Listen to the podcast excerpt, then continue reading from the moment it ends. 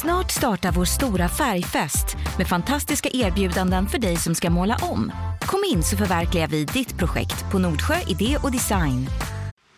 Radioplay. I den här podden tar vi till största del upp obekräftad information. Var därför kritisk till informationen som presenteras i avsnittet. The list of unexplainable disappearances in the Bermuda Triangle has grown. We don't know our own planet. We're probably learning more about Mars than we know of our own planet. We know about the Earth, but we don't know about the sea.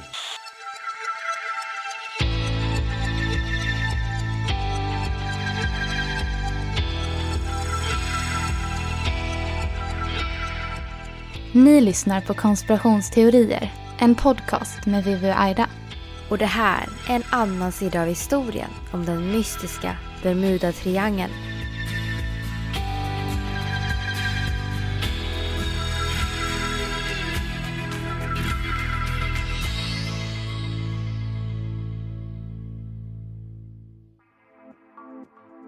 Konspirationsteorier. Namnet i sig låter ganska mystiskt men har också kanske i många sammanhang en negativ klang. Men i den här podden så har den faktiskt inte det. Här står konspirationsteorier i centrum och vi ska gå till botten med vad som gör dem så spännande och vad de egentligen handlar om. Men vad är då en konspirationsteori? För många kanske bara är käbbel, rena rama struntpratet. Men för många andra är det en osäkerhet och en tro om att verkligheten har många dolda sanningar. Där det finns en misstro kring makthavarna och frågetecken kring den information vi får matad till oss. Och för att kunna förklara mer så måste vi gå tillbaka till början av konspirationsteorier. Och vad passar inte bättre än en riktigt gammal konspirationsteori? Om den mystiska Bermuda-triangeln. Det här är en podcast för dig som är intresserad av en annan version av verkligheten. En version som tar upp alternativa teorier, mystiska sammanträffanden och diskussioner om vad som kan vara sant. Bermuda, Florida och Puerto Rico har fler än en sak gemensamt. De är inte bara vackra turistorter med stränder att drömma om. De bildar även en triangel i vattnet. En triangel som är känd som dödens triangel eller Atlantens kyrkogård. De senaste hundra åren har människor lagt märke till att fartyg sjunkit och flygplan kraschat i Atlanten utan förklaring. Startskottet för mysteriet om triangeln började redan under 1490-talet när Kristoffer Columbus seglade mot vad han trodde var Indien. Han sägs vara en av de första som upptäckte underligheter i triangeln och rapporterade ett märkligt ljussken från vattnet och att kompassen slutade fungera. Triangeln blev inte speciellt omtalad efter det här. Det var först 400 år senare som mystiska saker började oroa allmänheten. När skeppet USS Cyclops försvann med sina 306 passagerare var myten om dödens triangel ingenting människor visste om. Men en dag skulle allt förändras när kapten Worley på den amerikanska flottan helt ovetande skulle styra skeppet Cyclops mot sitt försvinnande och väcka liv i myten om Bermuda-triangeln.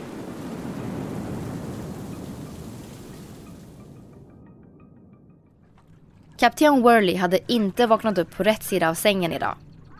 Humöret var som vanligt bistert och det underlättade inte med mannar han behövde skälla på varje dag.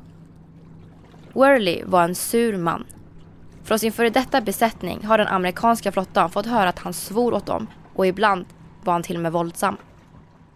Året var 1917 och första världskriget hade satt världen i ett oroligt skede. Men Worley arbetade på som vanligt. Han var egentligen tyskfödd, men det var ingenting som folk visste om. Namnet Johan Fredrik Wichman var sedan länge glömt och när han kom till Amerika hade han aldrig nämnt det här för någon. Hade han gjort det nu hade han blivit dödad på fläcken. Idag arbetade han som kapten och det var nu dags att sätta mannarna på fartyget USS Cyclops i arbete. De skulle sätta kurs mot Rio och bege sig ut på en flera månaders lång resa på Atlanten. Worley var sjövan så detta skulle inte bli ett problem. Området som kaptenen skulle resa in i kallas för Bermuda-triangeln och är ungefär en miljon kvadratmeter stort. Det ser ut som en triangel som sträcker sig från Bermuda till Puerto Rico och slutligen med sista hörnet mot Florida. Den enorma triangeln är ett av världens mest trafikerade områden där många skepp och djur färdas igenom. Men att triangeln är farlig vet inte kaptenen om och när hans fartyg en dag försvinner blir det som ett uppvaknande för allmänheten. USS Cyclops var ett massivt skepp som byggdes år 1910 och användes bland annat för att frakta soldater och bränsle under första världskriget. Men det är inte den historien vi ska fokusera på nu. Utan det handlar istället om när kaptenen Worley och hans mannar på fartyget lämnade den amerikanska flottan i januari år 1918 för att åka mot Rio i Brasilien. Cyclops var en av flottans största bränslefartyg som denna resa skulle transportera tontals med malm till krigsmaterial. Första världskriget var i full gång och USA hade nyligen gått med. Kaptenen Worley styrde in i Rios hamn i slutet av januari och stannade, som planerat, där i två veckor. När fartyget var proppfullt av både malm och passagerare två veckor senare gick resan vidare. Det var nu i mitten av februari. Resan skulle enligt planen gå vidare mot Baltimore via Bahi. När Worley styrt fartyget från stoppen i Bahi vet vi däremot inte riktigt vad som hände. Skeppet skulle egentligen segla vidare mot Baltimore men istället verkar det som att kaptenen i början av mars valde att ta en omväg för att åka mot Barbados i Västindien då fartyget enligt Worley var i behov av bränsle och förnödenheter. Dagen efter stoppet i Barbados satte fartyget åter segel och var nu inställd på Baltimore. Resan var beräknad till nio dagar men malmen kom aldrig fram till Baltimore och det gjorde inte heller de 306 passagerarna. Trots en enorm sökinsats hittades aldrig några spår. Lite över ett sekel har gått sedan skeppet lämnade den amerikanska flottan år 1918 och vi vet fortfarande inte riktigt vad det är som har hänt. Det sista meddelandet som kom från Cyclops kapten Worley var Klart väder, allt bra. Vad vi tror är att någon gång under följande nio dagar så försvinner skeppet och dess passagerare utan några nödanrop eller några livbåtar i vattnet. Skeppet lämnade världen i ett frågetecken. Hur kunde det bara försvinna? So what actually happened this? It's a huge ship. How does it just go missing? Det gav upphov till en hel del teorier. Speciellt eftersom faktan från den amerikanska flottan var så bristande. Senare upptäcktes det i allmänheten att kaptenen Worley faktiskt var tyskfödd. Något som väckte en hel del frustration och frågor hos allmänheten. Kunde det vara så att USS Cyclops faktiskt föll offer för det första världskriget? Kunde den råkat ut för en undervattensmina eller en torped av en närliggande tyst ubåt? Den amerikanska flottan menar att denna teori inte hade kunnat vara möjlig om Cyclops hade hållit den kurs de skulle. Men vi vet ju faktiskt inte riktigt vad som hände under fartygets sista nio dagar. Det har även kommit fram att betydligt större mängder av bränsle och kol lastades på fartyget vid stoppet i Barbados. Mer än vad som var planerat och kanske även mer än vad fartyget klarade av att bära. Kan det vara ett tecken på sabotage? Det hade säkert räckt med en stormig natt på havet för att fartyget skulle gå till havets botten. Några år efter detta skrev Santa Fe Magazine en artikel om USS Cyclops underliga försvinnande. I artikeln stod det.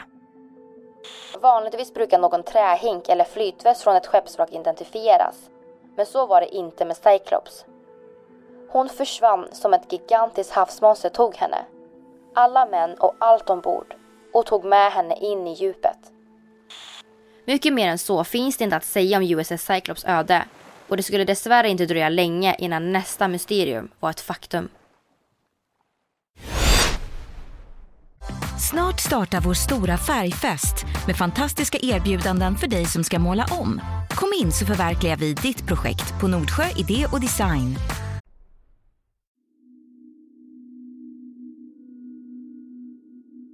–27 år senare, år 1945, försvann flight 19 och nu började det på riktigt tisslas och tasslas om ett farligt mystiskt vatten som slukade alldeles för många liv. De fem torpedplanen är försvunna än idag och vi vet fortfarande ingenting om vad som egentligen hände den eftermiddagen när 14 män begav sig ut på en rutinövning. Det vi vet är att flygningen lämnade fastlandet på eftermiddagen och skulle vara ute på en övning i strax över två timmar. Fem plan med 14 män lämnade basen i Fort Lauderdale och utförde övningen ungefär en halvtimme in. Men efter det här gick allting snett och flera piloter kunde inte avläsa sina kompasser. Gruppen leddes av löjtnant Charles Taylor. Fyra minuter över sju på kvällen hördes det sista utropet från planen till basen i Fort Lauderdale där männen en sista gång säger att de inte vet var de befinner sig. Av Youtube-kanalerna The Blaze och Good Mythical Morning får vi höra några klipp från flight 19. I don't know where we are. We must have got lost after that last turn. At, towards the end, the last thing that uh, was reported that he said was when the first plane drops below 10 gallons of fuel, we all go down together. It's the last they heard of him. Communications became increasingly difficult. And then, just before all contact was lost, came one final transmission. Quote, all planes close up tight. We'll have to ditch unless landfall. When the first plane drops below 10 gallons, we all go down together. And then there was silence. Efter sista utropet skickar basen ut ytterligare 13 män i sökplan, men som efter 20 minuter försvinner ur radarn. Det sägs att sökplanen lär ha exploderat. Det här gav upphov till en av den amerikanska flottans och Sjöfartsverkets största räddningspådrag i historien.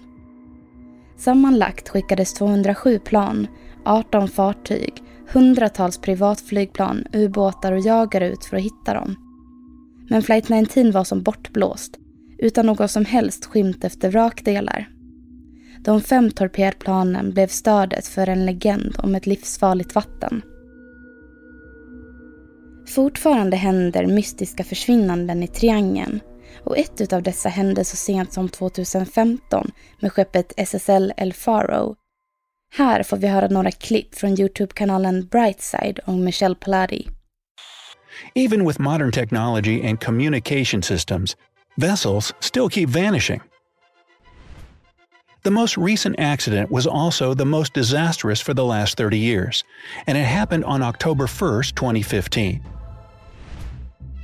That day, the huge cargo ship SS El Faro went missing in the area of the Bermuda Triangle.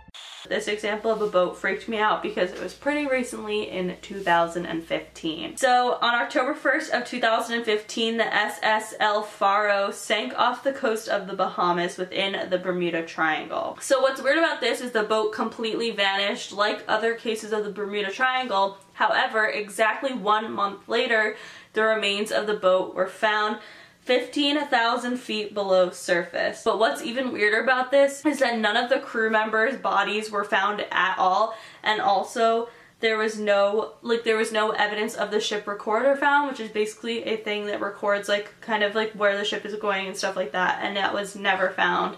Completely missing, no bodies, nothing. That really freaked me out because yes, the boat was found, but like where the was everything else? Mysteriet behövde få ett svar. Kraschade flygplan, sjunkande skepp och trasiga instrument inom samma område satte fart på spekulationerna. Och år 1964 satte författaren Vincent Gaddis ord på det många människor kände. Vattnet mellan Bermuda, Florida och Puerto Rico fick nu namnet den dödliga Bermudatriangeln. Men Vincent Gaddis var inte den enda författaren som berättade om det farliga området som kallades för Dödens triangel. Även andra personer som Charles Berlitz ligger bakom många berättelser. När dessa spekulationer satte fart rörde det sig om allt från sjunkna skepp, fartyg, ufo-baser och pyramider på havets botten. Det människor behövde var en förklaring till varför det här kunde hända. År 1974 skrev Berlitz den bästsäljande boken The Bermuda Triangle, där han berättar om området och dess påverkan. Myten hade nu satt sitt fäste och då satte konspirationsteorierna fart. Folk började bli otåliga efter en förklaring. Det hade skett allt för mycket mystiskt för att det skulle kunna vara en slump. Spekulationerna satte igång och den första teorin var att den livsfarliga Bermudatriangeln berodde på den försvunna kontinenten Atlantis som filosofen Platon skrev om omkring 350 år före Kristus. Det finns många teorier om vad som egentligen hände och en av dem är att Atlantis föll offer för den ökända Bermudatriangeln då urbefolkningen missbrukade makten från dess livskälla. Enligt den här teorin sägs det finnas en pyramid på havsbotten som har mystiska krafter och just denna skulle kunna vara Atlantis. Kristallen som är energikällan påstods orsaka energivågor och det är på grund av dem som instrument slutar fungera och det resulterar i flygplanskrascher och skeppsbrott. Samtidigt så kom det alltid nya förklaringar till försvinnandena inom triangeln. Författare som Berlitz älskade teorierna och fortsatte publicera verk efter verk som stöttade alla dessa spekulationer som nu cirkulerade i samhällen. Hade Flight 19 blivit bortförda av aliens eller hade USA ett hemligt laboratorium med bortförda skepp som USS Cyclops? Eller kan det till och med vara så att de försvunna planen och skeppen blivit bortförda av aliens som är intresserade av att lära sig mer om människor? Allt det här skulle förklara en hel del, säger vissa konspirationsteoretiker, eftersom att man funnit skeppsbrott i området utan några som helst spår av passagerare. Det gick till och med så pass långt att man kom fram till att Bermudatriangeln var en tidsportal där alla försvunna skepp och flygplan färdats igenom till en annan tidszon. Det sägs att så fort de passerar genom portalen så kan de inte längre komma tillbaka. Något som var gemensamt för alla de här händelserna var att alla försvinnanden hände utan förklaring och att bevis tagits fram av författare och forskare men instrumenten och bevisen slutade alltid att fungera och blev förstörda innan de kunde styrkas. Men till slut kom det en man som överlevt och det han berättade var ingenting likt det som tidigare hade sagts om triangelns makter. Han berättade om en dimma en tjock grå dimma som skördade och uppslukade alla skepp den passerade. Och snart inkom flera SOS-alarm med liknande historier från piloter och kaptener i desperat behov av hjälp. Man kunde till slut skilja mellan de paranormala och naturliga teorier som fanns. Teorier om aliens, Atlantis och ufos kunde man placera in i paranormala teorier men sen fanns det mer skeptiska människor som ansåg att det som försiggick i triangeln måste haft en enklare förklaring. Därav de naturliga teorierna. Forskare började mer och mer sätta sig in i mysteriet och en av de första teorierna handlade om en komet som landade på jorden för ungefär 11 000 år sedan. Kunde den ha landat på havsbottnen vid Bermudatriangeln och ha en elektromagnetisk egenskap som störde navigationsverktyg som kompasser? Teorin slog igenom och man började snabbt leta efter rester från rymdstenen. Men fortfarande har inga spår kommit fram. När man då undersökte havet upptäckte man även något ännu underligare. Som det sägs att Kristoffer Columbus stötte på under sin resa till Amerika. När man tänker på Atlanten, eller vilket annat hav som helst egentligen, så brukar människor som bor nära kusten eller som beger sig ut på en båttur märka att det ofta är väldigt blåsigt. Vattnet brukar nästan aldrig vara stilla, utan det är till mestadels vågigt.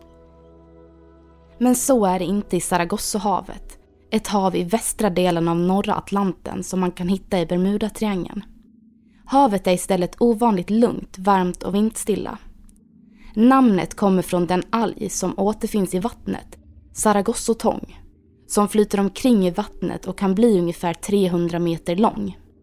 Eftersom att algen kan bli så lång och att det finns så mycket av den så blir vattnet som en skog och det är svårt att ta sig igenom den. Det talas därmed om att den tång som ligger i havet mycket väl kan ha mött Kristoffer Columbus när han var på väg mot Amerika. När Bermudatriangelns mysterium blev allmänt känt fick Sargassohavet dåligt rykte. Det handlade om att tångsnärjorna gör att skepp fastnar, lämnas övergivna och bara driver omkring i vattnet och det här har gjort att Saragossohavet fått namnet Fartygskyrkogården. Ett av dessa fall är skeppet Rosalie som år 1840 försvann och dök upp två dagar senare utan någon ombord. Men Saragossohavet gav inga svar och då fortsatte forskarna istället att undersöka vädret Och där står de fortfarande och trampar än idag. För numera är forskarna inne på att det kan bero på någonting som heter hexagonala moln. Frågan är då om dessa moln orsakar vädervariationer i triangeln i form av kraftiga luftstötar som de kallar för luftbomber. Enligt hemsidan Bermuda Attractions så kan dessa luftbomber orsaka vindhastigheter på upp till 270 km i timmen när de sedan når vattnet. Och enligt teoretikerna så behöver dessa luftbomber inte nödvändigtvis träffa ett plan eller ett fartyg. När de här luftbomberna istället träffar vattnet så blir det tillräckligt höga vågor för att orsaka massiv förödelse. Och det här skulle då vara omöjligt att passera igenom. En annan rimlig idé som forskarna är inne på handlar om metangas som gömmer sig på havsbottnen. Metan har en väldigt låg densitet så när det då bubblar upp minskar tätheten i både vattnet och luften ovanför. Det gör att skepp och flygplan helt enkelt inte klarar av att hålla sig uppe utan sjunker medan besättningen är helt hjälplös. Visst kan det vara så att den mytomspunna legenden om Bermudatriangeln är just det. En legend. Ett sätt att skrämma upp människor eller kanske en önskan om att vara försiktigare på havet. Men frågan kvarstår ändå. Är det någon av dessa teorier som är orsaken till att mysterien fick sin början? Eller kommer det dyka upp nya teorier i framtiden om den dödliga Bermudatriangeln?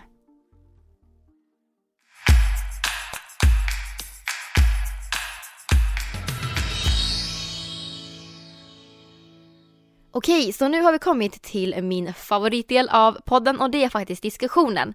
Och innan vi fortsätter på den så tänkte jag att ja, men det kanske är rätt nice för er att veta vem det är ni lyssnar på just nu. Och jag heter då Vivian.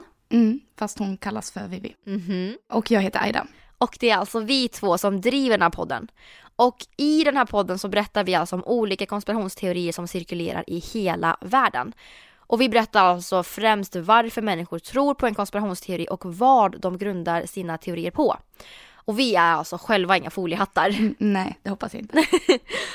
Men innan vi drar igång vår första diskussion så tänkte jag att det vore nog rätt gött att förstå vad en konspirationsteori faktiskt är. Och kort och gott så är det alltså en, ja, en konspirationsteori är helt enkelt någon slags komplott av maktfulla individer eller institutioner. Så ni kommer antagligen att märka att efter ett tag så är det samma organisationer som uppkommer i våra avsnitt. Om ni följer oss så länge. Och dessa organisationer och sådär, de vill ju ha någon slags fördel i samhället. Och vi, de vanliga medborgarna, har alltså ingen aning. Nej. Och för att ni ska lätt kunna hänga med i avsnitten så kör vi på samma koncept hela tiden. Vi börjar alltid med den sanna faktan. Sen går vi över till konspirationsteorin och alla dess teorier. Och sen avslutar vi alltid med att diskutera om det kan vara sant eller inte. Precis. Och sen så har vi också alltid, åh oh, det här är bästa, vi har alltid ny fakta i våra diskussioner. Japp, så då kör vi igång då. Yes! Något som vi inte har nämnt är att det finns mycket bevis som berättar att den här myten är fel.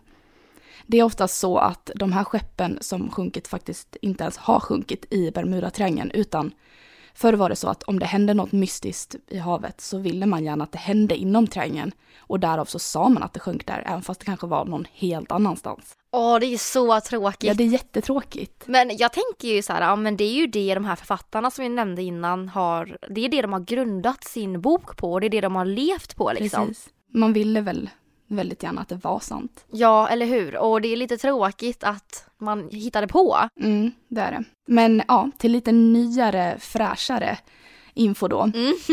eh, år 2014 så var det en man som heter Reza Baluchi, eller hur han nu uttalar sitt namn. Och han ville motbevisa att Bermudatriangeln var så farlig som alla trodde att den var. Och då ville han korsa triangeln genom Sorbing som basic, basically är en stor hamsterboll fast för människor. Eh, och efter många, många varningar från kustbevakningen så begav han sig ut ändå. Och tanken var att han skulle sova i en hammock där då och äta bars och egenfångad fisk tills han hade korsat triangeln. Men till slut då så fick ju kustbevakningen ingripa och hämta upp den här eh, mycket förvirrade och utmattade äventyraren. Vad tråkigt att han misslyckades. Och alltså vi kollade upp det på nätet och Alltså Bermudatriangeln är faktiskt en miljon kvadratmeter. Mm. Och det stod typ att, det, att den var runt 5000 kilometer. Det är hur mycket som helst. Ja, man fixar inte det. Nej, jag fattar inte hur han tänkte att han skulle klara det. Nej. Jag hade blivit åksjuk. Ja, jag med. Ja, det här hade varit intressant att sett med egna ögon. Ja, verkligen. Och det är ju verkligen ett unikt sätt att motbevisa en fara eller en konspirationsteori. Verkligen. Men eh, ja, apropå en annan rolig myt då, för den här var ju väldigt lustig, så är det så att många faktiskt kanske har hört att piloter flyger runt området, alltså Bermudatriangeln då, för att undvika att krascha och påverkas av den. Men mina vänner, detta är alltså bara en myt som inte är sann, utan det är faktiskt ett flertal flygbolag som trafikerar området typ dagligen. Mm. Och det tycker jag säger sig självt egentligen. Liksom varför skulle man flyga runt? Men eh, sen är det ju också så att de flesta flygbolagen har inte rad 13 på Ja, deras det. flygplan. Ja. Och det är ju lite motsägande ändå. Så de har inte den, men de kan ändå flyga genom Bermudatriangeln. Det är dubbla budskap. Ja, ja, verkligen. De tror på att ja, men 13 är otursnumret, men eh, de tror inte på Bermudatriangeln. Båda är ju egentligen lika löjliga. Ja, och nu när vi ändå är ute på hav och sådär, eh, i de asiatiska haven så rapporterar alltså ett flertal tidningar om en stor kollision med, jag tror det var 32 försvunna människor. Och tydligen så var det någon oljetank och ett skepp som hade kolliderat under väldigt mystiska omständigheter. Och med detta så har alltså typ 34 skepp försvunnit under samma område och det här har ju gjort många människor jätterädda. De är helt Mm. skräckslagna liksom. För de undrar ju såhär, men kan det här vara den nya Bermudatriangeln? Mm.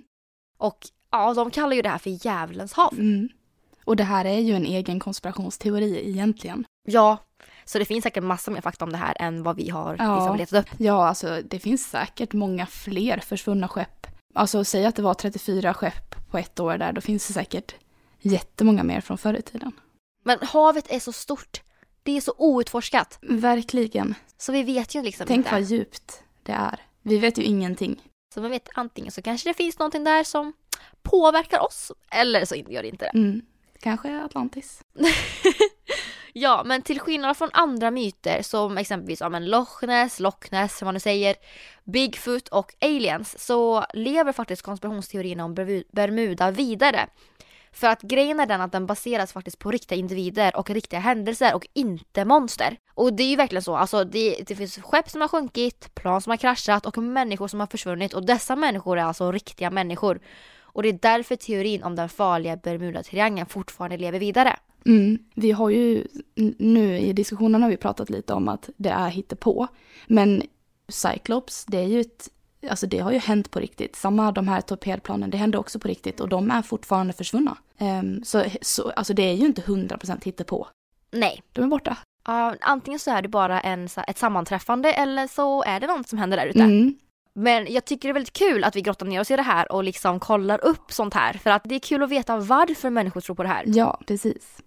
Men för att avsluta den här diskussionen lite så tänkte vi bara ta upp en sista grej som jag tycker är superintressant. Mhm. Och det är om YouTube och dess algoritmer. För jag fick nämligen ganska nyligen berättat för mig att konspirationsteorier och YouTube är ganska nära besläktade då. Eh, för det är nämligen så att jag fått höra att när man gör en sökning på YouTube så kommer man till slut att hamna på klipp om någon konspirationsteori oavsett vad man söker på. Sen vet jag visserligen inte om det här funkar lika bra på svenska, men det ska i alla fall vara så att om man hela tiden blir rekommenderad och klickar vidare på de rekommenderade videosarna då, så kommer man till slut att hamna på ett klipp som handlar om någon konspirationsteori oavsett vad det är man söker på. Och jag tror faktiskt inte att det här steget är så långt. Nej, och det är ju typ så med det mesta som händer på nätet. Mm, jo, jo. Att man Mm. klickar och klickar och klickar så kommer man till det de vill att man ska se. Mm. Och vem vet, det kanske är som du säger, de kanske är väldigt nära besläktade och det kanske bara är sex klick bort eller tio klick bort eller mer. För det var ju någon som hade sökt på eh, är jorden rund eller vad det var. Mm. Eh, och då hade ju han fått fram eh, klippet 100% bevis på att jorden är platt. Och det är ju en, Flat Earth är ju en... Konspirationsteori. Mm. mm. Så det här är väldigt intressant faktiskt. Jag tycker det här är jätte, jätteroligt. Jag med. Det är så häftigt att folk tror så mycket på en enda grej så att det blir liksom sanningen. Men eh, alltså fake news och YouTube har ju haft, det har ju varit ganska uppblossat i media. Och det är väl för att fake news är ganska stort. Och eh, folk klickar på det och det är säkert därför de här rekommenderade videosarna är konspirationsteorier för Ja, att det är man- så stort. Precis, att man hamnar på det bara för att Mm. det är så stort och mycket visningar och sådär. Mm, precis. Men ja, alltså, ja, men jag vet inte, tror du på den här konspirationsteorin? Eh, nej, det gör jag väl inte. Jag tror att det är en rad slumpmässiga händelser som kanske inte ens har hänt inom det här området. Sen alltså, jag kommer säkert säga det här eh, hundra gånger, men jag vill väldigt gärna tro på det. Mm. För att jag tycker att det är så intressant. Och så. Precis. Men eh, nej. Nej, inte jag heller. Men ifall ni tror på det eller inte, det kan väl ni kommentera på vår Facebook. Vi heter konspirationsteorier där, så det är bara att skriva ifall ni tror på konspirationsteorin eller inte. Precis, och om ni vill grotta in er lite i de länkarna som vi har använt oss av när vi gjorde det här avsnittet så hittar ni dem också på Facebook. Ja, vi kommer att lägga upp allting där så att det är bara att titta mer ifall ni vill hitta någonting mer utöver det vi har sagt. Precis.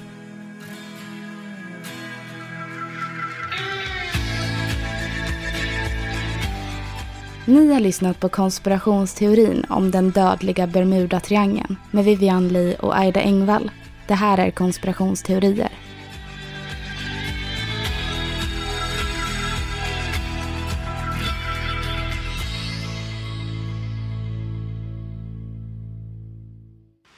Radioplay.